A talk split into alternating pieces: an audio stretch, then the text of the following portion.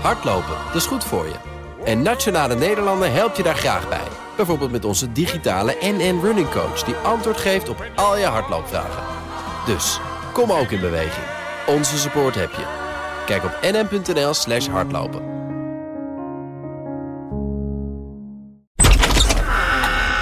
Weet je, je denkt, hé, maar waarom, waarom hebben jullie dit niet al lang klaar liggen dan? Nou ja, toch? Ja. Dat is wel echt. Ik dacht dus vanmorgen ineens, toen werd de inner wappie in mij wakker. Die zei, de regering probeert ons gek te krijgen. Dat is wat ze aan het doen zijn. Thomas, is dat wat jij ook dacht? Eh, nee, dat, dat denk ik niet. Wa- wa- waarom, waarmee probeer je jou gek te krijgen dan? Nou, dat je dan zegt, we gaan een keiharde klap tegen het virus uitdelen. Namelijk, eh, je mag nog maar tot acht uur in, het, eh, in de kroeg zitten. Eh, hè, dat betekent dus dat je gewoon wel gezellig uit eten gaat, wat heel leuk is. Niks aan de hand allemaal. Iedereen gaat naar school, iedereen gaat eh, naar kantoor. En nou, er is iets minder file dan anders, maar toch. En dat is dan een keiharde klap. Ik bedoel, Of we nee. gooien de winkels om vijf uur dicht. Een De- uurtje eerder. Maar dan gaan we eerst Black Friday nog even vieren met z'n allen. Hè? Nog even na Black Friday gooien we de winkels om vijf uur dicht. smettingsgolf veroorzaken. Nee, ik vond eh, Pieter Grinwis van de ChristenUnie toch zeg maar de meest eh, eh, uitgesproken coalitiepartner op dit moment. En misschien straks ook weer. Die zei het ook gewoon hardop. Hè. Dit was geen harde klap, dit was een licht tikkie. Ja, Dat daar is iedereen in Den Haag het inmiddels wel over eens. Dat dit inderdaad niet de harde klap was die, eh, die nodig was. Dat blijkt ook uit de cijfers. Er is helemaal geen kentering te zien. Er is Maar drie weken op rij, hè? Ik bedoel, het is niet zo dat Ja. dat één keer gebeurt. Dus ze doen het expres. Trouwens, Nee, ik, moet dus even dat- zeggen, ik moet even zeggen dat dit nieuwsgroep Den Haag is van vrijdag eh, 26 november. Voor ik ben hier in verlies. Je bent boos hè Mark? Je bent echt boos. Ja, ik ben, je had een hele tijd had je ge- eh, ongevaccineerde boze mensen. Maar langzaamaan merk ik, in ieder geval bij mezelf. Maar ik zie het volgens mij ook bij anderen. Dat gevaccineerden ook een beetje boos beginnen te worden. maar- over de andere kant. Maar ik moet nog even zeggen dat jij Sophie van Leeuwen bent. Dat we net al Martine Wolzak van het Financieel Dagblad hoorden. En de eerste Thomas die ik aanriep is natuurlijk Thomas van Groningen. We hadden het over de polderlockdown. Hè? Noemde je ook gisteren zo op zender, Thomas. Dus je hebt altijd, je moet, eh, hoe heet het, slop van onderwijs, die knokt voor de scholen blijven open. Economische zaken, die knokt al de hele coronacrisis van de hè, retail, winkels blijven open. Dus iedereen eh, is bezig zijn eigen achterban veilig te stellen. En dan, eh, wat er dan uitkomt, is een eh polderlockdown. twee persconferenties geleden be- begon het kabinet ook echt met een verhaal dat ze alle belangen altijd afwegen en dat we vooral mild voor elkaar moeten zijn. Misschien kan je het nog herinneren, die oproep Ja. van Rutte. Dat is ook letterlijk wat het kabinet tot nu toe eh, gedaan heeft de afgelopen periode. Namelijk alle belangen afwegen en dan, ja, dan komt er een compromis uit. Wat dan blijkbaar niet goed genoeg is. En ik hoorde gisteren een oppositiekamerlid zeggen: het virus is beter georganiseerd dan wij.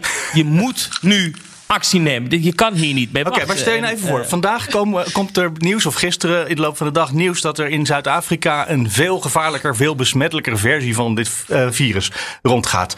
En dan zegt Europa: laten we een vliegverbod instellen. En ik ben zo bang dat we vanmiddag het advies krijgen om niet naar Zuid-Afrika te gaan als het niet absoluut noodzakelijk is.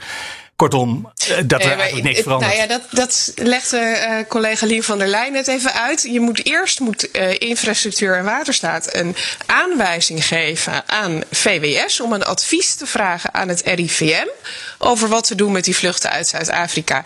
En dat, dat vind ik illustratief over nou ja, het virus beter georganiseerd dan wij. Het lijkt iedere keer nog steeds over zoveel schijven te moeten gaan en zo lang te moeten wachten voordat alle Hollandse polderclubjes de neuzen dezelfde kant op hebben. En ja, dan denk ik van, eh, jongens, iemand moet uiteindelijk ze een klap ergens op kunnen geven. En dat lijkt Nou ja, iedere en- keer hier niet het geval te zijn.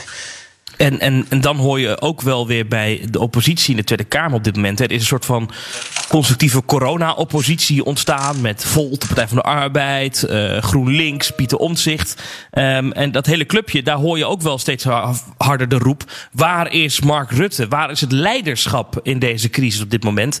En- Heeft dit kabinet geen doorzettingsmacht om te zeggen: dit is hoe we het doen? Punt. Maar we gaan eerst nog een adviesje vragen aan die, adviesje aan zus. Dat is natuurlijk ook met nu ook voor vanavond de persconferentie. Daarbij hoor je toch ook weer dat het kabinet een beetje baalt achter de schermen van het advies dat ze hebben gekregen van het RIVM. Omdat dat nogal veel deuren openlaat. Dus als het kabinet vanavond kiest voor de zwaarste variant, ja, dan kunnen ze niet zeggen dat doen we omdat het OMT dat heeft geadviseerd. Nee, dan is dat een eigen keuze. En dat vinden ze blijkbaar toch lastig om. Ja, maar je zou uit toch zeggen dat zichzelf ze daarvoor hard zijn aangesteld. Ze zijn een beetje te laf voor, hun, voor hun positie, lijkt het. Hè? Dat ze niet durven te kiezen. We hebben een premier zonder visie, hè? Dat, eh, anders moet je naar de oogarts. Nee, maar dat is de oude bestuurscultuur. En we zitten nu inmiddels al bijna een jaar na de verkiezingen. We hebben nu een nieuw, nieuwe bestuurscultuur. Ja, die hebben we nog niet, Mark. Ik, heb dat, ik weet niet of je het door had, maar we hebben nog geen nieuw dit is een ander bestuurscultuur. dingetje. Daar ga ik me straks boos over maken, denk ik. In deze podcast. Maar de oppositie die eh, hebben dus wel op, hè, dit. Als we dit gewoon even zo hard op uitspreken allemaal. Ik ben ook wel een beetje boos. En in de oppositie zijn ze dus heel boos. ehm, want daar is ook een appgroep met al die partijen. Inderdaad, het gaat van ja 21, Nicky Pauverwij, die arts is... tot eh, ja, Den Haan natuurlijk namens de ouderen, GroenLinks, PvdA... ehm eh, Pieter Omtzigt, die hadden we net nog even op de zender. En die hebben met z'n allen echt zoiets van... wij roepen al weken, hè, of gaan, gaan met boosterprikken aan de slag... en eh, pas op voor eh, deze golf. En er wordt niet naar ons geluisterd. Dus er is eigenlijk geen functionerende democratie, want zeggen ze, de coalitie blokkeert alles. Er lijkt wel een soort van een losgezongen werkelijkheid bij het kabinet ten opzichte van de rest die met dit dossier bezig is. En die losgezongen werkelijkheid die zorgt er ook voor dat de gewone ondernemer totaal niet weet waar die dadelijk aan toe is. Moet zijn winkel dicht? Krijgt hij hulp? Wordt hij gesteund? En steeds lijkt het wel alsof we en achter de feiten aanlopen en alsof alles opnieuw moet worden uitgevonden. Wanneer gaan we na 21 maanden pandemie wel iets leren uit deze pandemie? En het lijkt er wel een beetje op dat die appgroep, die met elkaar ontzettend boos heen en weer aan het eh, schreeuwen zijn, dat die, dat die wel een beetje gelijk beginnen te krijgen. Tegelijkertijd is het natuurlijk ook, ook de oppositie verandert nogal regelmatig van mening. Ehm, en het, het yo-yo-effect daar is ook vrij groot. Plus, ja, het is makkelijker om te zeggen: eh, ik vind dit of ik vind dat. Als je uiteindelijk niet degene bent die het door moet zetten. Maar de roep om een hardere Nee, lockdown, maar die klinkt al langer in Maar Den Haag. Martine, het gaat er toch ook gewoon om dat je op een goed moment iets kiest. En dat dan bijvoorbeeld een. dat je weet dat je dat een half jaar vol kan houden. En dat je niet gaat zeggen: het virus is onvoorspelbaar. Nee, het virus is besmettelijk. Eh, dus dat is hartstikke voorspelbaar. En er zijn rekenmodellen en daar zijn bandbreedtes. Ja, en wat, wat ook Nee, vooral het, de, het de virus, sorry. het virus blijkt veel voorspelbaarder te zijn dan ons voortdurend wordt ja. voorgehouden. Ja. En eh, de, frustratie dat er iedere keer geen scenario klaar ligt voor worst case. Of tenminste, dit is nog niet eens worst case. Hè? Eh, het worst case is inderdaad een, een, dat er een nieuwe variant die nog eh, gevaarlijker en nog besmettelijker is, gaat ronddoen. Ja, wat, wat gaan wij dan doen? Als het nu al niet lukt om het enigszins binnen de perken Ja, te en dat is dan ook de kritiek van eh, graag langetermijnvisie. We hadden dus anderhalf jaar geleden dingen kunnen doen. Het gaat ook over eh, de uitvoering van de steunpakketten die nu vastlopen. Waarom hebben we hè, de RVO niet eh, gewoon op orde gebracht? Het gaat natuurlijk over IC-bedden, gaat over booster. Alles wat, wat we hadden kunnen bedenken op, en plannen op termijn is blijkbaar niet gebeurd. Nou, En ik hoorde vanmorgen iemand zeggen dat we niet een eens hebben nagedacht hoe, eh, hoe je scholen veilig open kan houden. Dat daar, daar hadden we dus in het afgelopen jaar hadden we daar eh, onderzoek, eh, experimenten mee kunnen doen. En dus hebben we vergeten te doen, kennelijk. Daarnaast is, er, is het natuurlijk zo dat er een groot verschil is tussen scholen open en schopen, eh, scholen dicht. Daar zit ook nog heel veel tussen. Eh, en normaal gesproken zou je, hadden we de afgelopen maanden echt heel goed kunnen zien en kunnen uittesten van eh, wat zijn de andere mogelijkheden die je binnen een school kan doen. Eh, hebben we niet heel enthousiast gedaan. Dus nu weten we ook heel slecht van, oké, wat zijn nou maatregelen die goed werken, ook binnen een school, zodat je een school ook veilig open kunt houden. Ja, en nu zitten we op een, op een niveau met virusdruk die zo hoog dat het eh, mijn advies inderdaad zou zijn om ze te sluiten. Blijkbaar moet ook daar nu ad hoc een plan op tafel nou, komen. en dan gaan van ze dus waarschijnlijk dicht. Want dat is dan wat je dan als ander, als je niet weet hoe je het veilig openhoudt, gaan ze waarschijnlijk dicht. Dus hebben we dan met z'n allen zitten te slapen het afgelopen jaar? Kun je het misschien ook het parlement Ja? aanrekenen? Of onszelf hebben we, hebben we die vraag niet gesteld. Maar we dachten dat onszelf misschien ook wel. Want het- we hebben natuurlijk de dansen met Jansen eh, crisis gehad. Toen er te snel te veel is losgelaten. En toch in september, toen opnieuw geroepen werd van nou jongens, dat was het dan. Ja, zijn we inderdaad bijna allemaal overgegaan tot de orde van de dag. Eh, met, met, met de uitzondering van een aantal deskundigen en wetenschappers die zijn blijven waarschuwen. Ja. Jongens, in het najaar gaat het straks weer helemaal fout. Ja, en dat hebben we toch niet zo heel goed willen horen, denk ik. Totdat het op een gegeven moment onvermijdelijk werd. Nou Misschien ja, ook al- je dus iedere keer weer te laat zijn. Misschien moet ook, ook Ik zie de media... trouwens, eh, oh, de- sorry, wacht, ik zie nu, ik oh, zie nu binnenkomen eerst. dat het vliegverbod er komt. Het, eh, het vliegverbod van Nederland naar Zuid-Afrika en andersom. Ah, wat Ah, fijn. dan heeft Pieter om zich toch toch binnen een uur zijn zin gekregen. Want die riep nog op zender binnen een uur. Antwoord van het kabinet. Ik hoorde dat Visser en de jongen waren eh, spoedoverleg aan het plegen afgelopen uur. Oké, nou ik vind het ook Het fijn dat er. ik gewoon binnen deze podcast meteen eh, terecht gewezen word dat er niet alleen maar een advies komt om niet naar Zuid-Afrika te gaan. Dat is ik, alles ik Nou, wilde net toch- zeggen, toch het even- is in dit geval heel fijn om ongelijk te krijgen eh, binnen een kwartier. Ja, het geeft Maar ook... het- eh, toch even één ding, hè. iets wat, wat, wat ook wel eh, misschien achter het scherm een rol speelt. Ik hoorde de afgelopen week iemand zeggen, toen dacht ik nog, nou, het zal toch niet. Maar ik moet toch, het, het is wel in mijn hoofd blijven hangen. We moeten ook niet onderschatten dat dit de laatste weken van Hugo de Jonge mogelijk zijn als minister van Volksgezondheid. En Ja. dat hij er misschien ook al een beetje klaar mee is. eh, ik begreep dat hij door wil. Is dat niet wat jullie gehoord hebben? Nou, als minister van die Volksgezondheid lijkt me dat eh, eh, onverstandig. Of door wegens- mag van zijn collega's, weet ik niet. Maar dat hij dat zelf wel schijnt te willen. Maar ook ehm, onwaarschijnlijk. Ik kan me niet voorstellen dat, eh, dat hij nog genoeg draagvlak heeft. Mhm. Dat, dat moet hij toch zelf ook wel doorhebben. Maar ik, ik ga vanavond denk ik even aan een vraag, meneer de Jonge. Is dit uw laatste coronapersconferentie? Dat heeft hij al een keer met ja beantwoord. En toen had hij ongelijk. Nee, maar zijn laatste. Want het Ja, kan ja, best ja. zijn dat er nog wel nieuwe coronapersconferenties komen. Maar dat met een ander gezicht achter het uh, Ja. Ja, maar ja, goed. Nou, daar durf ik nog wel nee op te zeggen. Want eh, we hebben al een brief gekregen hè, van de informateurs dat zij eh, tot na Sinterklaas in ieder geval nog doorpraten. Eh, nou ja, dan moet er nog een nieuw kabinet. eh, stel dat ze dan klaar zouden zijn, dan moet je de poppetjes nog bij elkaar krijgen en op het bordes zetten. Dat zou betekenen dat we nog twee, drie weken geen persconferenties meer hebben. Nou, dan hebben we heel veel mazzel, denk ik. Er komt nog een persconferentie. Dat- ja, voor kerst en voor het nieuwe kabinet. Dus Want je we moet die hebben vraag nog 2,5 even nog één weken. keer uitstellen nog. En dan moet je hem zeker Hij stellen. krijgt er nog één. Hij Ja. krijgt er nog één. Gelukkig. Zullen wij eens even naar die formatie gaan? Want eh, die, eh, die zou toch eh, in het eh, meest pessimistische geval voor Sinterklaas rond zijn, eh, herinner ik me nog. Nou, we hadden al weken gehoord dat ze dat niet gingen Ja, redden. dat weet hoor. ik ook wel. Maar toch, dus eh, we waren eh, toch weer te optimistisch met z'n allen kennelijk. Valt er iets te melden over die formatie of niet? Nou, volgens Koolmees is hij wel ver gevorderd. Maar ja, ze hebben toch nog niet die knopen doorgehakt... waarvan we eigenlijk eerder voorspelden in deze podcast... meerdere keren dat ze die zouden gaan doorhakken. In ieder geval, als ze die al zouden hebben doorgehakt, dan gaan ze dat niet in zo'n briefje zetten. Eh, er wordt altijd gezegd. Eh, nou, Irene over Till the Fat Lady Sings. En bij dit soort onderhandelingen, je bent pas klaar als alles klaar is. Want je wilt altijd nog kunnen zeggen: oké, als ik dat toch niet krijg, ja, dan had ik had dat wel toegezegd, maar dat is was wel onder de voorwaarde dat ik dat andere binnen zou halen. Ja, maar we hebben toch Dus inmiddels drie dat- weken op rij een briefje van de informateurs gekregen of gelezen. de- waarin staat: volgende week ga ik u informeren. Dan krijgen we weer een briefje met een Nee, sorry, dat is nee. Het, het, het antwoord volgende week ga ik u informeren, dat is niet informeren. Nee, maar informeren is een, eh, is een rekbaar begrip. Een briefje is natuurlijk informeren. En dat kan. Ja, dit is echt een belediging van de intelligentie van de Nederlanders. er is natuurlijk wel een beetje een probleem met die formatie. Want een paar weken geleden toen was het nog... ja, en het gaat goed met de economie. We gaan miljarden uitgeven. Gaan ze ook doen, hè? De- die budgettaire ruimte hebben we wel.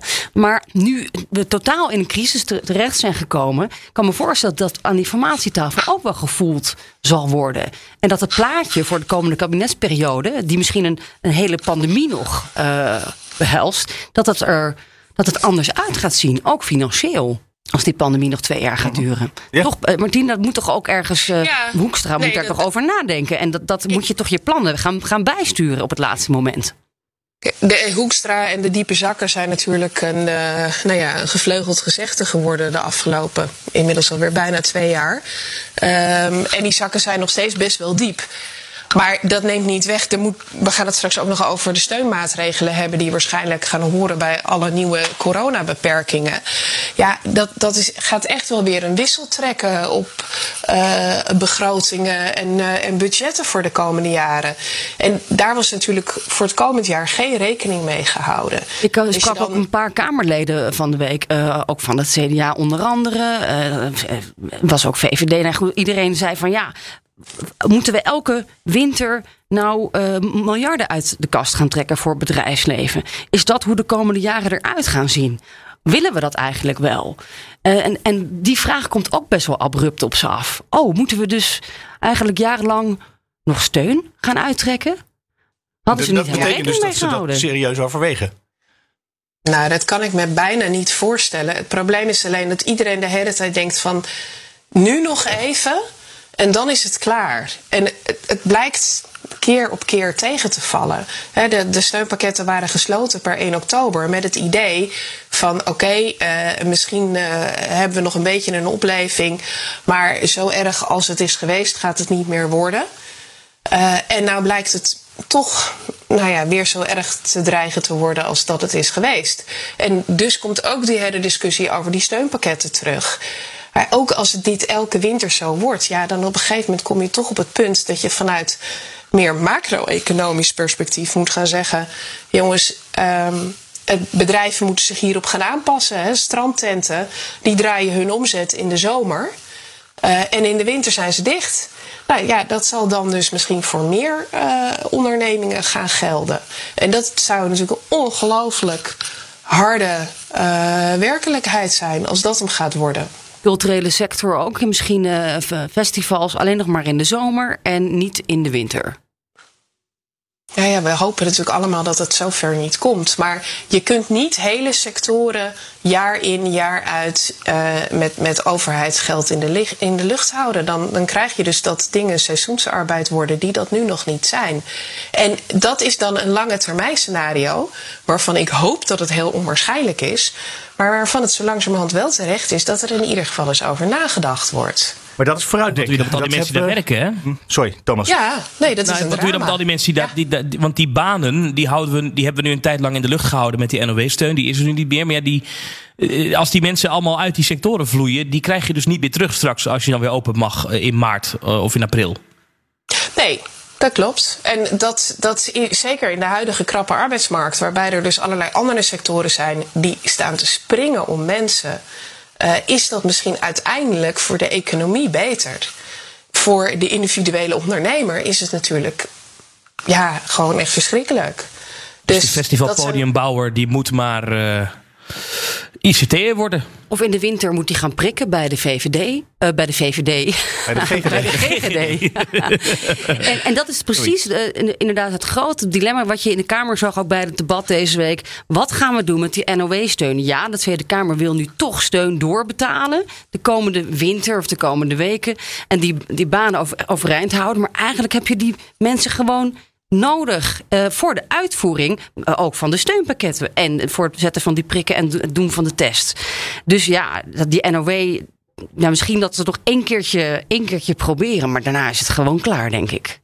Nou ja, ik denk wat, wat ook in dat debat gezegd werd. Hè, eh, volgens mij was de VVD, Thierry Aartsen, die dat zei. Ja, ondernemers worden nu op zo'n korte termijn weer overvallen door maatregelen. Hier, kan je, hier had je niet op kunnen voorsorteren. De boodschap is de hele tijd geweest vanuit Den Haag. We gaan terug naar normaal.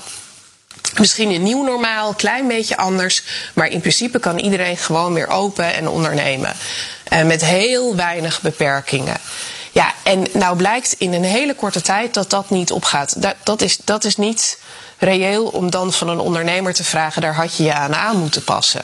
Ja, en dus, dus kom je dan weer voor die keus te staan: heropen die steunpakketten. Ja, en dan zeg jij, uh, voor nu, voor deze winter heb je die steun nodig. Maar voor een volgende winter, dan gaan we langzaamaan gewoon de hele economie anders inrichten. Ja, want we gaan dat is wat jullie net beschrijven. Nu gaan we wel nadenken over de volgende winter. Dat is nu het idee in Den Haag. Althans in de Kamer ook hoor je dat. En dat hebben we tot nu toe nog niet gedaan. Maar er is nog nooit verder dan drie weken vooruit gekeken. Nee. Zou, dus dat, zou dat echt serieus gaan gebeuren? Ja, ik, ja je moet er om lachen. Maar ik bedoel, dit is heel serieus. Ik, ik ga ervan uit dat, dat er nu toch wel een keer een lange termijn strategie eh, moet komen. Want de laatste uh, aanpak najaar, ik zat hem toevallig gisteren nog te lezen, die het kabinet in september naar de Tweede Kamer stuurde. Dit is de aanpak coronavirus najaar. Daar klopt helemaal niets meer van. Maar echt, niets wat daarin staat is uiteindelijk uitgevoerd. Daar zit dus geen avondlockdown in ook. Nee, dus je, je, kan dan wel zeggen, nou, we, we, we schrijven weer een lange termijnplan. Maar de praktijk in Den Haag is ieder lange termijnplan dat geschreven wordt rondom corona. Dat verdwijnt een week later weer in de prullenbak, want daar doen we dan vervolgens niks mee. Ja, maar is het probleem dat we er niks mee doen?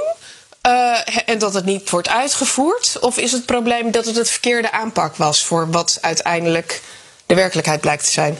Dat is een goede vraag. Nou, uh, wat uiteindelijk vaak de situatie is, is dat er dan allerlei stadia en maatregelen beschreven staan. die op een bepaald punt genomen moeten worden. Alleen als je dan terugkijkt in de tijdlijn, dan blijkt dat die maatregelen niet op dat punt genomen zijn, maar pas twee weken later. En dan klopt de hele aanpak niet meer. Ja, ja, omdat we sturen op uh, ziekenhuisbedden. Of nee, we sturen niet op ziekenhuisbedden. En wel. En, en niet trouwens. Ik ben het helemaal En het is een indicator. Het is een brede afweging. Dat is eigenlijk het woord dat altijd valt. Uh, Alles is een brede, brede afweging. afweging. Oh, nog één dingetje over die formatie. Want uh, ja, wat, wat ze dan ook moeten meenemen in die langetermijnvisie... is toch uh, opschalen van IC-bedden. Dat, dat hebben ze al lang niet willen doen. Zoals we in de afgelopen twee jaar ook hebben opgeschaald. zoals we twee jaar geleden hadden bedacht. Ja, maar dat moet dan toch, als we in die pandemie blijven zitten... met allemaal nieuwe varianten. Dus ook dat zorgbudget moet dan omhoog. En dat is natuurlijk al de, de duurste begroting met sociale zaken van Den Haag. Een, een verschrikkelijke ja. ja uh, probleem altijd voor financiën. Van hoe moeten we in godsnaam onze zorgkosten betalen? Ja, dat moet je nu in die formatie misschien ook gaan regelen. Beetje meer Huppakee, geld erbij. Hm? Een lange termijn plan rondom corona is, uh, is 2G. Hè? Dat zou voor de lange termijn, als het aantal besmettingen laag is, dan kan je met 2G ervoor zorgen dat het voor langere tijd laag blijft. Is dat nou een lange plan dat al afgetikt is op de formatietafel? Want ja, dan moet je de ChristenUnie wel meekrijgen. Ja, daarvan zeggen ze dus heel erg schizofreen. Nou nee, dat proberen we toch dat proberen we hè, gescheiden te houden. Want we hebben dan de formatie.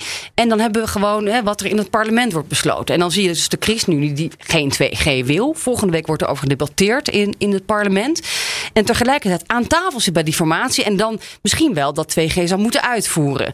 Um, maar dat dus niet wil. En, en voor, ja, los nog van of de PvdA dit gaat steunen. Hè, en al die andere partijen die het ook niet willen. Dus komt er een meerderheid voor. En ja, het lijkt me nogal ingewikkelde formatiegesprekken hoor. Over, over hoe we dus op lange termijn met die pandemie omgaan. Omdat het dus nu plotseling langer termijn is. En dan ga je daar als ChristenUnie lekker een paar jaar uh, regeren en verantwoordelijkheid voor nemen. Maar zou het deze. Moeilijk. Zouden deze premier en deze minister van Volksgezondheid dat eigenlijk al geaccepteerd hebben? Voor zichzelf dat het langer termijn is, toch?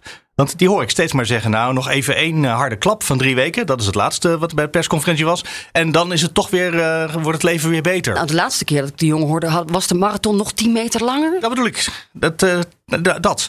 Uh, dus hebben zij dat zelf al uh, geïnternaliseerd? Want dat, dat, is de voorwaarde om te gaan nadenken over langetermijnbeleid. Nou, iemand die ook uh, altijd adviseert hè, bij het kabinet is Kim Putters van het Sociaal Cultureel Planbureau. Ja. Van hoe gaat het met de, de stand van Nederland? Nou, niet zo goed vandaag hoor, merk ik.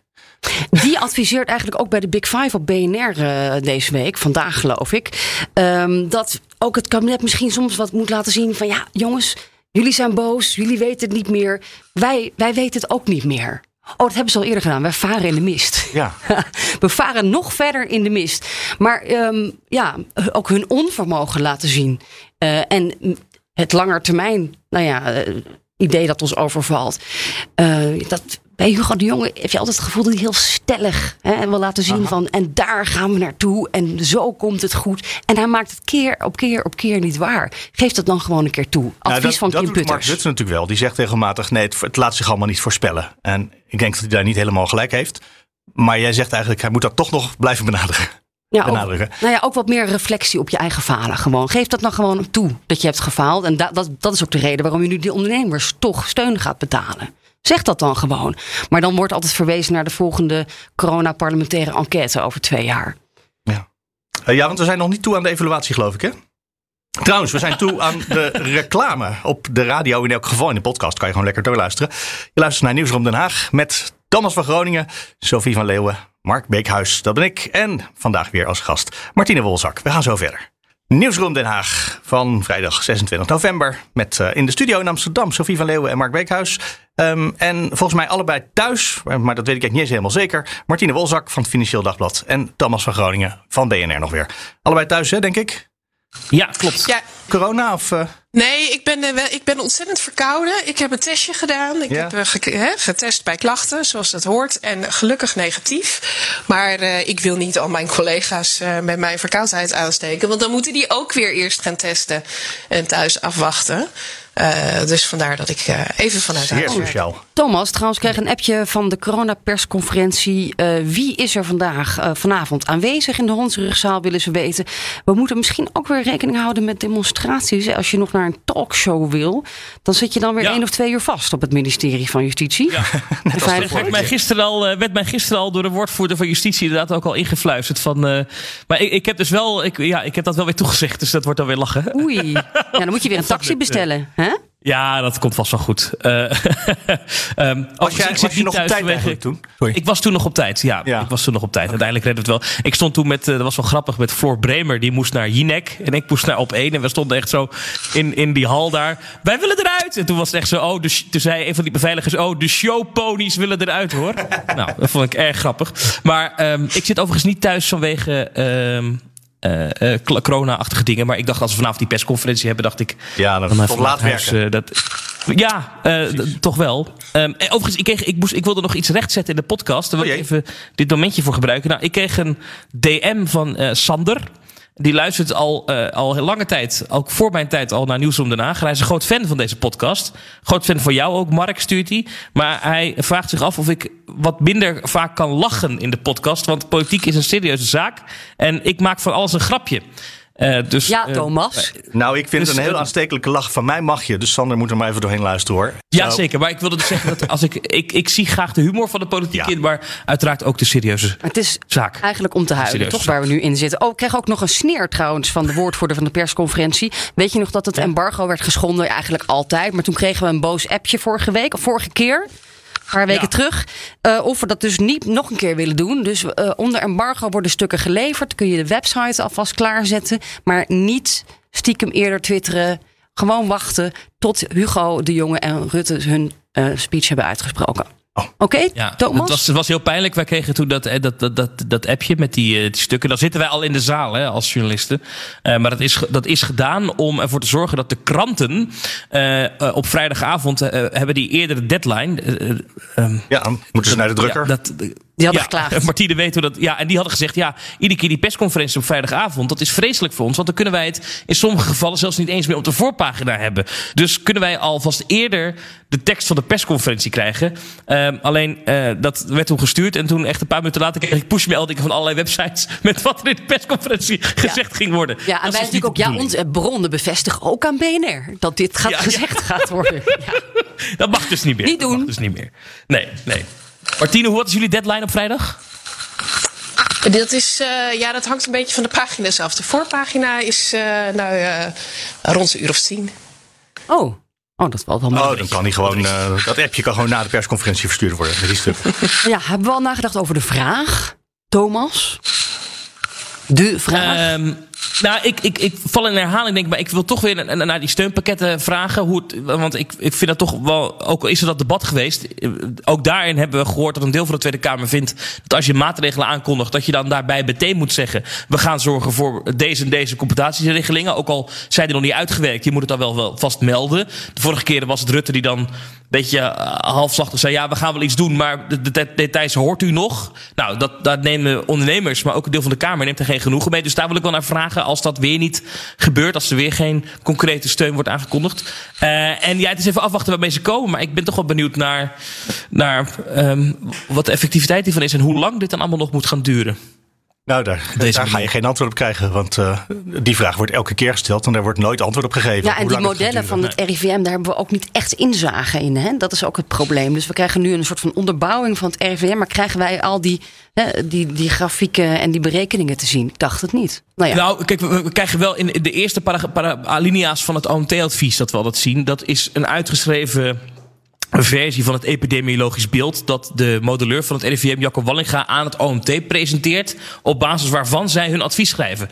Dus dat, dat, ja, dat krijgen we altijd wel. Maar dat is wel vrij beknopt, moet ik zeggen. Oké, ik wil even weg bij het onderwerp corona. Uh, dat okay, gaat vast zo meteen weer de, het gesprek in, want het, uh, het overkomt ons ook op het ogenblik. In die zin is het ook besmettelijk.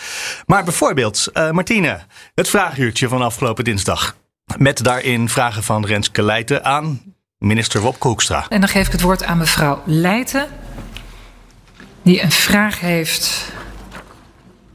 Ik zie in ieder geval de staatssecretaris die aanwezig is van Financiën. over de nieuwe informatie over het risicoselectiemodel van de Belastingdienst. en de almaar uitblijvende actieve informatie hierover van het ministerie van Financiën. Die wilde minister Wolke Hoekstra horen over het nieuws uh, die dag van Trouw en, uh, en RTL Nieuws. Dat de Belastingdienst bij de controle op kinderopvangtoeslagen ook selecteerde op inkomen. En dat juist lage inkomens en met name alleenstaande ouders ja, ontzettend streng gecontroleerd werden. En als je heel streng gecontroleerd wordt, wordt er sneller iets gevonden. En het algoritme was een zelflerend algoritme. Uh, ja, die denkt dan, oh, ik vind wat. En dan gaat hij nog strenger op die groep controleren. En worden ze dus nog vaker betrapt. Um, en zij dat is in principe de verantwoordelijkheid van staatssecretaris Van Huffelen. Ja, dus dan zou je denken, ja, uiteindelijk. Waarom dan Hoekstra? Nou, en dat gaat de SP erom dat uh, zij zeggen, ja, vanuit financiën vinden wij de informatievoorziening op allerlei onderwerpen iedere keer onvoldoende. En uiteindelijk is daar de minister voor verantwoordelijk. Ik, uh, ik tel. Ja, het woord aan mevrouw Leijten, SP. Ja, voorzitter, ik heb deze vragen aangemeld aan de minister van Financiën en ik zou hem graag willen oproepen om uh, de vragen te komen beantwoorden. Ik kan me ook voorstellen dat een oppositiepartij het aantrekkelijker vindt om een minister in de Kamer uit te horen dan een staatssecretaris. Um, maar dat was het punt. En Hoekstra is dus niet gekomen, ondanks dat de vraag wel aan hem gericht was. Ik heropen de vergadering. Uh, we hebben even geïnformeerd. En uh, de reden dat de minister van Financiën niet aanwezig is, is dat er een inhoudelijke verantwoordelijkheid ligt bij de, de staatssecretaris. Uh, dus we kunnen twee dingen doen. we kunnen de mondelinge vraag niet door laten gaan. Of we kunnen de tijd gebruiken om de vragen die er zijn aan de staatssecretaris te stellen. Uh, omdat natuurlijk uh, nou ja, het kabinet met één mond praat. Dus ik geef het even het woord aan mevrouw Leijten om daarop te reageren. Nou, voorzitter, dan moeten we misschien maar kijken of de minister-president nog in het gebouw is. Dat die komt te antwoorden. Het gaat mij hier echt over de omgang met de Kamer in een langslepend dossier waarin heel veel is gebeurd. Waarvan we weten dat er al gewoon informatie vanuit december 2019 ligt over wat er vanochtend in de krant stond. En dat wij alsmaar niet krijgen. En deze staatssecretaris gaat ons weer de techniek insturen, dolhof inwerken. En daar heb ik geen zin in. Op de agenda stond toch de naam van Hoekstra. En ik zag de voorzitter verbaasd zeggen: hé, hey, maar uh, we moeten zomaar eens even vragen aan de staatssecretaris waarom de minister er niet zit. Dus het ja. is ook echt gewoon. Uh, er, is, ja, er werd de minister uitgenodigd en er werd iemand anders gestuurd. Um, ik dacht, dit is wel een soort belediging aan de Tweede Kamer. Ik kan me voorstellen dat er vanuit het kabinet wat huiverigheid is om als iemand inhoudelijk, en dat werd ook de tijd benadrukt, hè, van de staatssecretaris is hier inhoudelijk verantwoordelijk. Um, dan iedere keer die minister te gaan sturen. Want daar heb je nou juist staatssecretarissen voor. Dat je ook een deel kan delegeren. Uh, maar wat mij vooral ook wel opviel, is dat ik in de ene begon te denken: wanneer hebben wij Hoekstra eigenlijk voor het laatst in de Kamer gezien? En in ieder geval deze week niet. Uh, Rutte, die zien we nog wel af en toe. Nou ja, Carola Schouten, de landbouwminister, is ook vrij onzichtbaar. Dus uh, dat, dat die hele formatie en ook de tijd die daar de hele tijd naartoe gaat, ja, die begint ook wel een beetje te botsen met het Kamerwerk. En dat wordt ook wel iedere keer als excuus aangevoerd. Van ja, ze hebben hele volle agenda's vanwege de formatie. Is lastig om te komen, kan daar een beetje rekening mee gehouden worden. Ja, dat, dat is begrijpelijk voor een beperkte periode. Maar voor een kabinet dat nu al zo lang demissionair is, terwijl er zulke wezenlijke dingen gebeuren, kan ik me voorstellen dat de irritatie in de Kamer wel oploopt. Ja. Ja, maar kan je dat eigenlijk zomaar doen? Als je een vraag stelt aan de minister, niet komen opdagen? Er is toch een soort uh, verantwoordingsplicht, uh, want de Kamer, het hoogste orgaan, is daar om jou te controleren? Nou ja, wat Leijten gaat doen is een debat aanvragen. En daar zal zij dan. Uh, en dan moet hij de Kamer achter moeten krijgen. Ja, oh, dan, ja. Dus dat zal dan waarschijnlijk weer geblokkeerd worden door de coalitie. Althans, ja. dat is een beetje de, de teneur nu, hè? want die formatie moet door en Hoekstra heeft het daar veel te druk mee. En um, dat is een ander ding wat ik nog met jullie wilde bespreken. Van de week, wat zei ik gisteren, was er uh, de, het debat over de onderzoekscommissie die de evacuatie vanuit Afghanistan moet gaan uh, onderzoeken. Dat heb ik helemaal gemist, sorry. Ja, de voorzitter wordt Frank de Graven, dat was al uitgelekt. Uh, en ik geloof dat de volledige oppositie daartegen is. Ja, dat Frank de Graaf het gaat doen. Ja, ja dat, uh, ja daar zijn ze heel boos uh, Er is een motie ooit ondertekend door 16 van de 19 fracties. om dat te vragen, zo'n zo'n onderzoekscommissie. Uh, met daarin de opdracht om een onafhankelijke voorzitter te kiezen. Dat staat, een onafhankelijk onderzoek. En, en niet de voormalige minister van Defensie. Ja, maar van die 16 hebben er dus nu 12 gezegd. Ja, dit is dus niet wat wij bedoelden. want het is een oud-minister van Defensie. Het is een zeer prominente VVD'er die dan VVD-ministers moet gaan onderzoeken. Dus nou ja, daar, daar duwt de coalitie met z'n viertjes door, lijkt het. Van de ChristenUnie weten we dit officieel nog niet. Maar van de andere drie uh, regerings- en onderhandelende coalitiepartijen uh, weten we dat wel. Die, die vinden de Graaf een heel goed idee. En toen begon mevrouw Belhaai van D66. Die zei ja, en dan hoor ik steeds weer dat de coalitie er steeds weer wordt bijgehaald. Ja, voorzitter, ik word er gewoon af en toe een beetje moe van dat de pas en onpas coalitie en oppositie erbij wordt gehaald. Ik dacht, ja, ik snap dat je daar geïrriteerd over bent. Maar dat zie ik ook steeds gebeuren. Dat de coalitie met z'n viertjes dingen blokkeert. Eigenlijk net wat jij beschrijft, Sophie. Dus de benoeming van deze onderzoeksvoorzitter. Geen coronadebat vorige week. Maar toen wel doorpraat over 2G. Wat helemaal niet aan de orde was Ja. vorige week. Ook wetgeving heel snel door de Kamer jassen. Terwijl al die eenmansfracties zeggen, of eenvrouwsfracties. Maar sorry, dit is heel erg fundamenteel. Hier willen we rustig naar kijken. Ja, kunnen we hier volgende week over vergaderen. Nee, moet deze week. De, die, dat soort zaken krijg je dan. Eh, er werd gevraagd om een formatiedebat. Waar iedereen voor is, behalve de vier eh, regeringspartijen. Nou, het ene na het andere voorbeeld zouden we de, de podcast mee voor kunnen praten. Ehm, de coalitie is wat dat betreft wel erg hecht. Hè? En niet zo heel erg eh, duaal en niet zo heel erg van de nieuwe bestuurscultuur. Ja, in die laatste fase van de formatie is het dualisme. Het was eigenlijk al heel ver weg. We hadden een paar weken geleden dachten we, nou misschien hè, er gebeurt, er gebeurt Ja, af wat. en toe zegt D66 is iets afwijkends of de ChristenUnie iets afwijkends. Maar het, nee. Maar ze houden elkaar vast. En eh, dat, is- dat is ja, jammer, denk ik, voor de democratie. Ja, maar Mark, je moet wel opmerken dat, dat, dat om- want voordat we nu allerlei conclusies trekken van oh, de, de nieuwe bestuurscultuur is mislukt, want er is geen sprake van dualisme op dit moment. Je moet niet vergeten dat op dit moment natuurlijk wel de formatieonderhandelingen bezig zijn en het dus ook voor, voor Kamerleden uit fracties die nu aan die onderhandelingstafel zitten, het ook wel denk ik nu lastiger is dan wanneer straks dat nieuwe kabinet er staat om zich al te hard eh, uit te spreken. Omdat hun fractie aan die tafel zit. Zij, zij onderhandelen zelf op dit moment. En dat maakt het natuurlijk ingewikkeld. Dat snap ik wel. Maar eh, het gaat er toch ook om dat je de oppositie iets gunt. Dat je niet zegt, nee, maar wij zijn gewoon met, eh, met een paar zetels de meerderheid. En dat is het gewoon. Ja, ja. Eh, bijvoorbeeld Nee, ja. eh, Omtzigt, eh, Pieter Omtzigt was vanmorgen op de radio. En die zei ook, we zouden eigenlijk voor 50, met 50 stemmen een debat moeten kunnen aanvragen. Of een eh, onderzoek kunnen aanvragen. Dus niet Ja. de helft, maar een derde van de Kamer. Want dat hebben heel veel democratieën. Ik heb dat niet gecheckt, maar dat zei hij.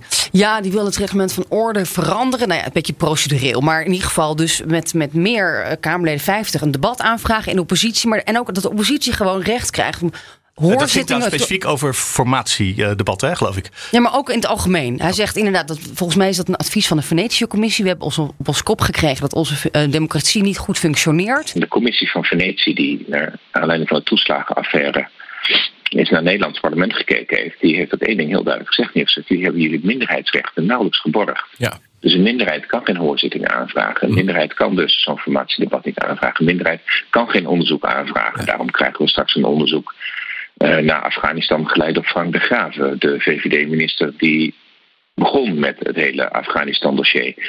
Eh, eh, ja, in andere landen kan een kan dat niet. minderheid, dus in Frankrijk of in Duitsland of in Noorwegen, kan 25 of 33 procent van de Kamer kan zeggen: nee, wij willen een hoorzitting of wij willen een onderzoek. Ja. Want wij willen de regering kunnen controleren. En daarmee heeft ook de oppositie mogelijkheden om te controleren. En hier ben je dus afhankelijk eh, van, van de coalitie. En dat, dat wringt. Een 30 leden debat hebben we al. Ja, maar dat is een belachelijk lange lijst met onderwerpen die dus misschien over twee jaar een keer Ja, besproken worden. dat kan twee jaar duren bijvoorbeeld. Dus, eh, dat, dus dat naar voren halen en dus meer macht. Maar ook om eigen onderzoek en hoorzittingen te doen eh, op basis van zo'n minderheid. En dat blijkt ja, in andere landen wel te kunnen. En toen dacht ik, ja, dat is in- interessant. Eh, tot nu toe met die coalitiedwangen en de oude bestuurscultuur... dan kun je dus alles blokkeren en ook niet blind zijn voor een probleem... als de toeslagenaffaire. Eh, Of de corona-aanpak. of de corona-aanpak. Eh, exactly. Dus ik denk, eh, ik vind het een interessant voorstel. Ja, gaat het, is- dan een meerderheid een- halen? Nou ja, daar beginnen we natuurlijk mee.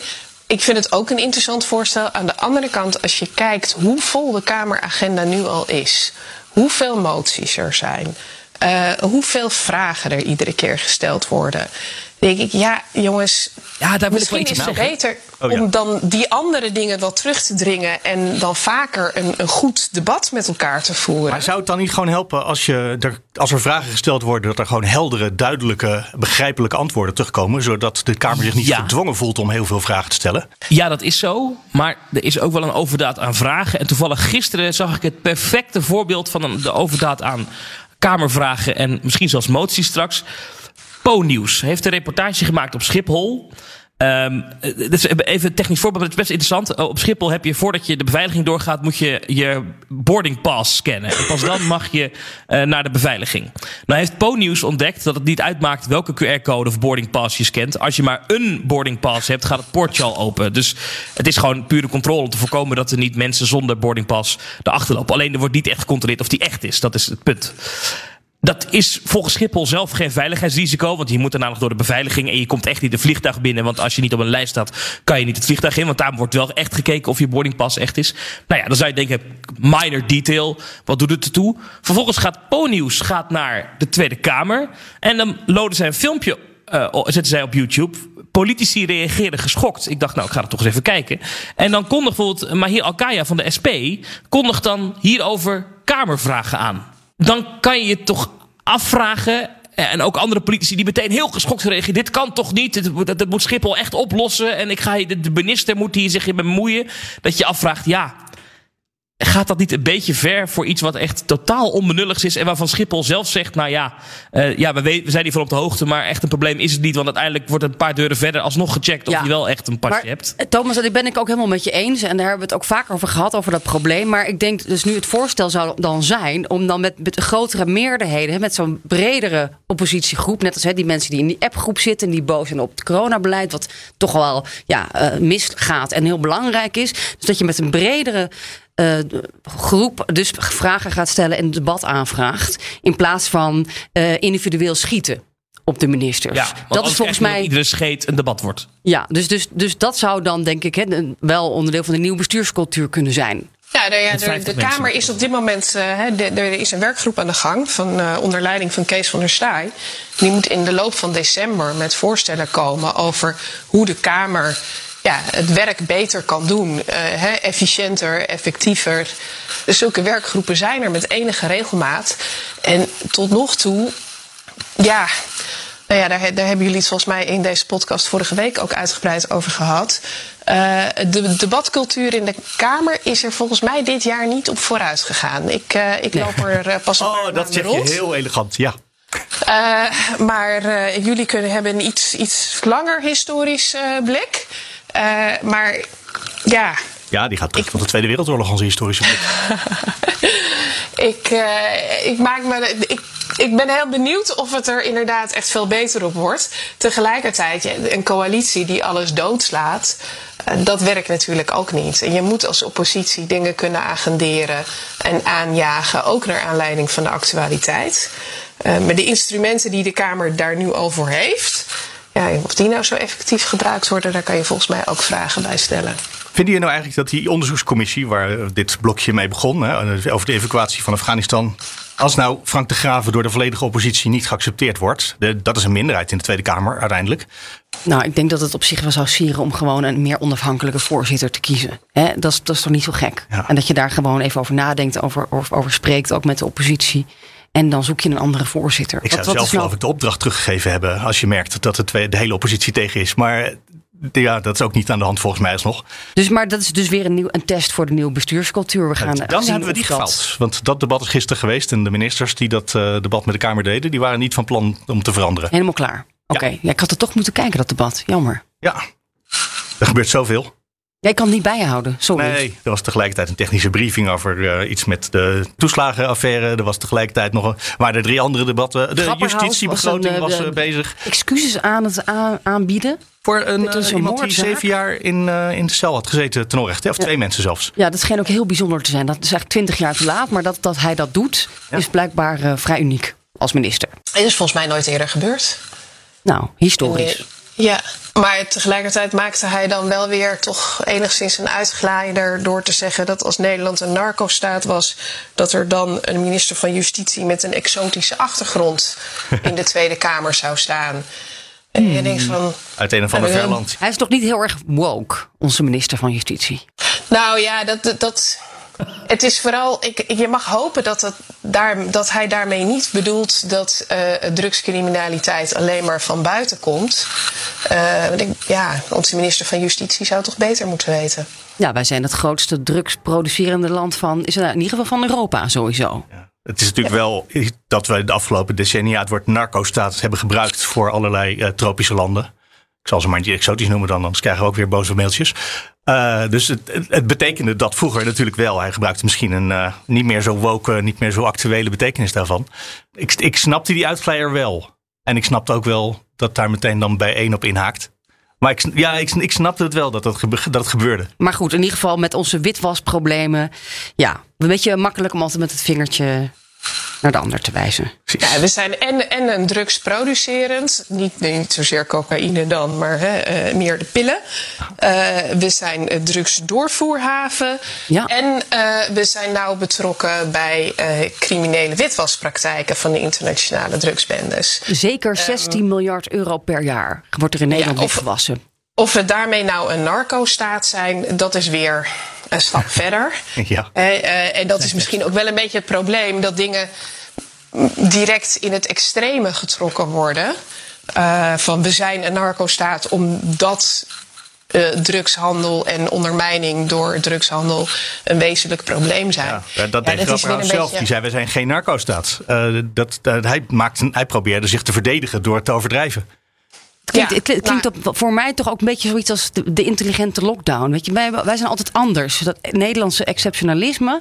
Terwijl we toch, als ja, je naar de feiten kijkt. Zorgvuldig. Ja, precies. Is ja. gebeuren. Nou, dat is een van de grootste criminele doorvoorhavens. Misschien wel de. Hè, met Italië. Daar is ook nog over gesproken trouwens. Over het witwassen. Over ja, ons, dus ons reputatieprobleem. Ja, er is nog niet over gesproken. Er is een, een rapport naar de Tweede Kamer gestuurd. Met een onderzoek naar hè, wat we nog zouden kunnen doen om Nederland als uh, brievenbussenland. Uh, nou, minder aantrekkelijk te maken voor bedrijven en voor criminelen. Um, eh, maar daar, ja, daar kwam dan de mededeling toch bij, heel kort samengevat, van het demissionaire kabinet dat uh, de, de commissie hartelijk bedankt wordt voor uh, uh, het onderzoek. Maar dat het aan het nieuwe kabinet is om daarmee aan de slag te gaan. Ja, en even kijken hoor, want Nederland wil af van die reputatieschade die ons die brievenbusfirma's opleveren. en in het rapport staat, nou jullie zijn wel begonnen met iets, maar het heeft nog helemaal geen impact gehad. Maar je zou nog wat maatregelen kunnen nemen. En daarvoor worden ze hartelijk bedankt. Ja, ze zeggen niet, niet dat het helemaal geen impact heeft gehad, maar wel nog weinig. Uh, en voor een deel komt dat ook omdat ja, de, de cijfers over uh, hoeveel geld daar doorheen gaat. En die lopen een beetje achter de maatregelen aan.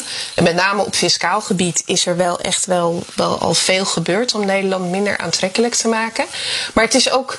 En daarvoor moet je weer afvragen wat daar zo heel erg is. Uh, Nederland is ook aantrekkelijk omdat we een goede rechtsstaat hebben. Geen narco-staat zijn. Uh, en bedrijven om die reden het fijn vinden om zich hier te vestigen. Omdat dus infrastructuur die daarbij hoort, hè, de juridische infrastructuur, aantrekkelijk is. En dat is een erfenis van het verleden. Uh, en daardoor blijft het voorlopig nog wel een beetje zo. Ja, Wat ik zelf wilde wel opvallend via, vond, oh, sorry.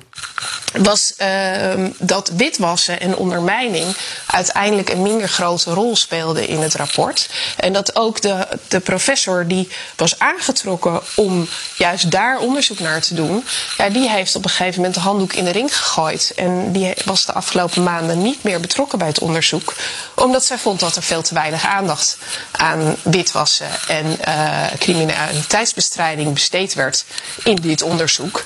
En die pleit dus voor van jongens, daar moeten we echt nog een apart uh, groep, uh, studiegroep voor opzetten. Die veel meer bevoegdheden gaat krijgen, veel meer mogelijkheden om juist daarin te duiken. Want anders doen we daar te weinig aan. En nou, ja, zie je wel, onderzoek en dan voor een nieuw kabinet. Ja. Dus dan doen we een onderzoek en dan doen we daarna gewoon nog een onderzoek. Oh ja, als een Ja. van de onderzoekers eh, gefrustreerd afgehaakt is, kan me voorstellen dat daar misschien toch wel pijn zit wat toch onderzocht, eh, onderzocht moet worden. ja. Oh Eh, Vreselijk. Maar het is, eh, Martine, het is natuurlijk ook zo, als je Nederland minder aantrekkelijk maakt eh, voor die brievenbusfirma's, je moet echt minder aantrekkelijk worden dan de, dan de andere landen. Want alles is hier goed geregeld. Dus als, Nou, het, als het hier even aantrekkelijk is als in Duitsland, als Frankrijk, als België. Ja, het, het liep hier altijd prima. Je hebt je, je contacten, dat mannetje wat je altijd belde, vrouwtje. Nee, dan blijf je toch Ja, hier. blijf je hier. Precies. Ja. En dan blijft de reputatieschade ook hier. Ja, en dat is een van de redenen waarom. Uh, daar, en een deel van als je jezelf echt minder aantrekkelijk maakt, dan verhuist het misschien naar Duitsland. Ja. Uh, dat is fijn voor onze reputatie, maar lost het wezenlijke probleem niet op. Dus internationale samenwerking is ook ontzettend belangrijk om het probleem uiteindelijk tegen te gaan. Vooral ook omdat het vaak om ketens gaat. Hè? Het is niet alleen een brievenbus hier, het is vaak een reeks brievenbussen.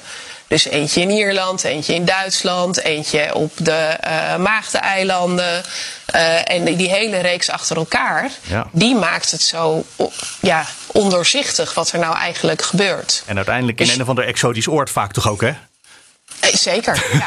ja. Nou ja, Maagdeneilanden bijvoorbeeld. Oh ja, ja. ja, ik, Ja. ik weet ook niet eens waar die liggen. Die ken ik alleen maar uit de krant.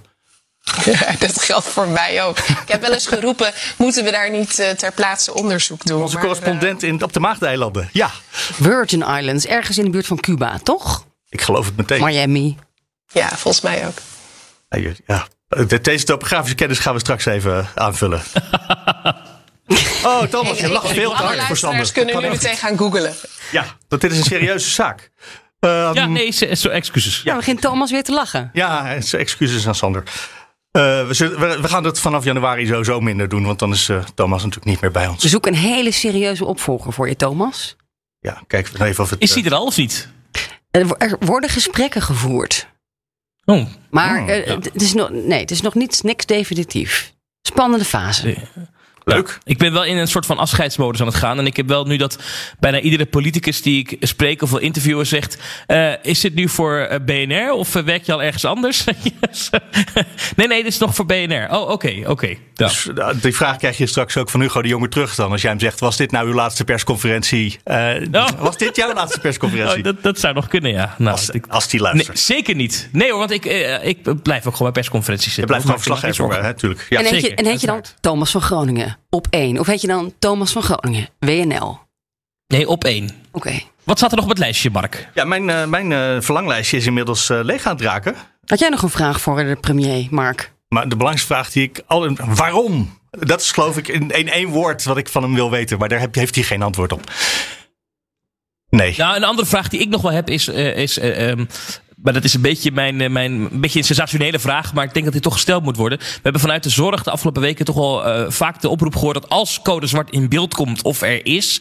dat er dan inzet van bijvoorbeeld het leger of, eh, of politie of wat dan ook. nodig is bij de ziekenhuizen. om de veiligheidssituatie daar onder controle te houden. Want mensen natuurlijk heel boos worden als ze te horen krijgen. dat familie van hen niet meer geholpen kan worden. en dus komt te overlijden. Wat natuurlijk een heel heftig iets is. Ja. Ehm, eh, is men daar zich al op aan het voorbereiden binnen het kabinet? Spannende vraag. Nou, ik heb nog wel een vraag aan Thomas als eh, talkshow-expert. want eh, volgens mij stonden wij maandag allebei eh, eh, te luisteren bij de persconferentie van eh, Rutte en de jongen. Toen eh, Rutte zei van eh, ja, eh, de talkshowtafels gaan niet bepalen wat wij doen. Eh, volgens mij heeft Hugo de Jonge van de week nog een keer gezegd. Er zijn allemaal experts die een lockdown bestellen aan talkshowtafels. Ja, klopt. Ehm, Ja. ik, ik, ik, ik, ik proef wat irritatie, is volgens mij mild uitgedrukt. Ehm, wat is daar nou aan de hand? Leg het eens uit. Nou, Wat daar aan de hand is, is dat je een OMT hebt. eh, waarin eh, allerlei deskundigen zitten. die. eh, een deel daarvan staat echt met de poot in de modder, zullen maar zeggen. Dat zijn mensen uit de ziekenhuizen. die direct contact hebben met patiënten. die zien hoe mis het dreigt te gaan. en die roepen al een tijdje moord en brand. Het gaat helemaal mis. Er moet nu sneller ingegrepen worden. Dat roepen ze niet sinds afgelopen week. Dat roepen ze al een wat langere periode. En wat zij merken is dat als zij dan in zo'n OMT-vergadering die boodschap overbrengen, dat uiteindelijk de voorzitter van dat OMT, en dat is Jaap van Dissel, die uiteindelijk destilleert daar een advies uit. Ehm, en dat, dat, dat zij hun eigen alarmbel, zeg maar, daar niet altijd in teruglezen en horen. En dat ze dus ook niet terug horen van het kabinet. En wat je dus de afgelopen weken zag gebeuren, is dat een gommers meerdere keren aan talkshowtafels en overigens ook tijdens een hoorzitting in de Tweede Kamer zegt: er dreigt code zwart eh, binnen tien dagen, volgende week misschien al. Eh, en dat dan eh, journalisten dat gaan vragen aan de jongen. en dat de jongen dan zegt: nee, code zwart is nog niet dichtbij. We maken ons al zorgen, maar het is nog niet dichtbij. Nou ja, dat zorgt voor irritatie. En waardoor die OMT-leden, en het is echt niet alleen Diederik Gommersort, zijn er wel meer. Ja, zich genoodzaakt voelen om steeds heftiger zich uit te laten in de media. Steeds meer aan die noodklok te luiden. Waardoor het kabinet toch een beetje ondermijnd wordt eigenlijk. Want dit zijn de adviseurs van het kabinet. En dat zorgt, uh, heb ik aan wederzijdse kanten wel begrepen, voor grote irritatie bij een deel van het OMT. Dat dus zegt het moet allemaal veel strenger. En ook bij het kabinet en, en, en het RIVM. Dat die adviseurs ja, zich toch zo hard uitspreken in de media iedere keer. En daarmee hun advies ondermijnen. Waar zit dan die oneenigheid in het OMT? Er zijn dus ook OMT-leden die zeggen: Nou, het valt wel mee, het is me helemaal niet nodig. Die dus het de andere kant een beetje op nuanceren. Wat, wat is dan dat belang van die andere OMT'ers? Dat is moeilijk, want Jaap van Dissel krijgen wij dus niet zomaar te spreken. Dus ik wil dat heel graag aan hem vragen. Van, hoe kan het nou dat, dit, dat, dat, dat een deel van het OMT zegt... wij lezen onze eigen adviezen niet terug in uw adviezen? Um, hoe, kan dat? Eh, dus dat weten we niet precies. We weten wel dat, dat, dat uh, de modelleurs van het RIVM uh, het de laatste tijd wat rooskleuriger inschatten dan de situatie daadwerkelijk is. Dat is wel een trendbreuk in die zin, want ik kan me nog herinneren dat aan het begin van de coronacrisis Rutte zelfs ooit een keer in de Tweede Kamer heeft gezegd: het is bijna eng hoe goed de modellen van het RIVM uitkomen. Zo eng zelfs dat we zelfs een keer gecheckt hebben: klopt het allemaal wel? Wordt er niet een spelletje met ons gespeeld? Dat heeft hij echt ooit een keer gezegd, Rutte, uh, omdat die modellen zo goed uitkwamen. Terwijl je nu ziet dat de epidemiologische situatie altijd slechter is in de praktijk dan de modellen hadden voorspeld. Ja, en het eh, gedrag natuurlijk uh, ja, totaal onvoorspelbaar is geworden ook. Dat wordt misschien niet meegenomen zeker. in die modellen. Dat, precies, dat is, dat, dat is, een, dat is een, een, een groot vraagstuk. Van hoe, hoe, hoe meet je nou of mensen daadwerkelijk thuiswerken? Hoe, wordt er Google Mobility Data bijgehaald? Maar goed, het punt in ieder geval is dus dat, dat binnen dat OMT, en dan ja, dus de voorzitter daarvan, daarvan durf ik inmiddels wat te zeggen op basis van gesprekken met vele OMT-leden, dat hij er wat gematigder in zit. Die maakt zich gewoon niet zo snel zoveel zorgen. En daarbij moet gezegd worden dat hij op 20 oktober heeft hij een interview gegeven, Jaap van Dissel aan het AD, waarin hij zei: Ik heb goed nieuws. En eigenlijk een soort van belofte deed dat er deze winter geen lockdown-achtige maatregelen nodig zijn. En ik heb wat OMT-leden gesproken die het gevoel hadden dat hij zich aan die belofte wil houden. Maar dat, dat de epidemiologische situatie daar helemaal niet naar is om die belofte te houden. Ja, een soort van uh, politiek wordt het bijna dan, als je dat zo hoort. Nou ja, dat is het punt natuurlijk. Die OMT-leden, dat zijn echt ja, dat zijn natuurlijk mensen uit de zorg. Dat zijn geen politici, dat zijn geen communicatiedeskundigen. Maar ze zijn wel politicus geworden. Je merkt het ook steeds vaker als je iemand van het OMT belt. Is het eerste wat ze zeggen is: Dit is off the record, toch? Uh, nou, dat is normaal iets wat een politicus heel snel roept. En niet wat je niet verwacht van iemand die, nou ja, laten we zeggen, aan IC-bedden staat, normaal gesproken. Ja, ik had ook nog wel een, een beetje een pesterige vraag voor Rutte. Thomas, misschien kun je die nog stellen. Uh, hoe intelligent is deze lockdown? Ja. Vind je dat flauw? De avondlockdown. Nee, dat kan wel, ja. ja dat, uh, ik, ik schrijf ze allemaal op. Uh, en dan uh, kijk ik wel even wat het wordt vanavond. Precies, want hoe het verder vanavond gaat lopen. Nou ja, vandaag is dus in ieder geval besloten dat we niet naar Zuid-Afrika gaan vliegen. Dus wie weet zijn ze in een hele doortastende bui vandaag. Het zou zomaar kunnen. Kom, we gaan hem afronden voor vandaag. Dankjewel Martine Wolzak van het Financieel Dagblad dat je erbij was. Fijn ook weer Thomas van Groningen, Sophie van Leeuwen. Ik ben Mark Beekhuis. Dit was Nieuwsgrond Den Haag. En we varen in de mist. oh, ik mag niet lachen. Dus dit is echt heel serieus. Maar je wordt, wordt er gewoon een beetje. Ken je dat? dat je, er, je wordt er lacherig van, omdat het zo erg is. Moet er wanhoop. Uh... Dat, ja. Dat een beetje. Business Booster. Hey ondernemer, KPN heeft nu Business Boosters. Deals die jouw bedrijf echt vooruit helpen. Zoals nu, zakelijk tv en internet, inclusief narrowcasting... de eerste 9 maanden voor maar 30 euro per maand. Beleef het EK samen met je klanten in de hoogste kwaliteit. Kijk op kpn.com businessbooster. Business Booster.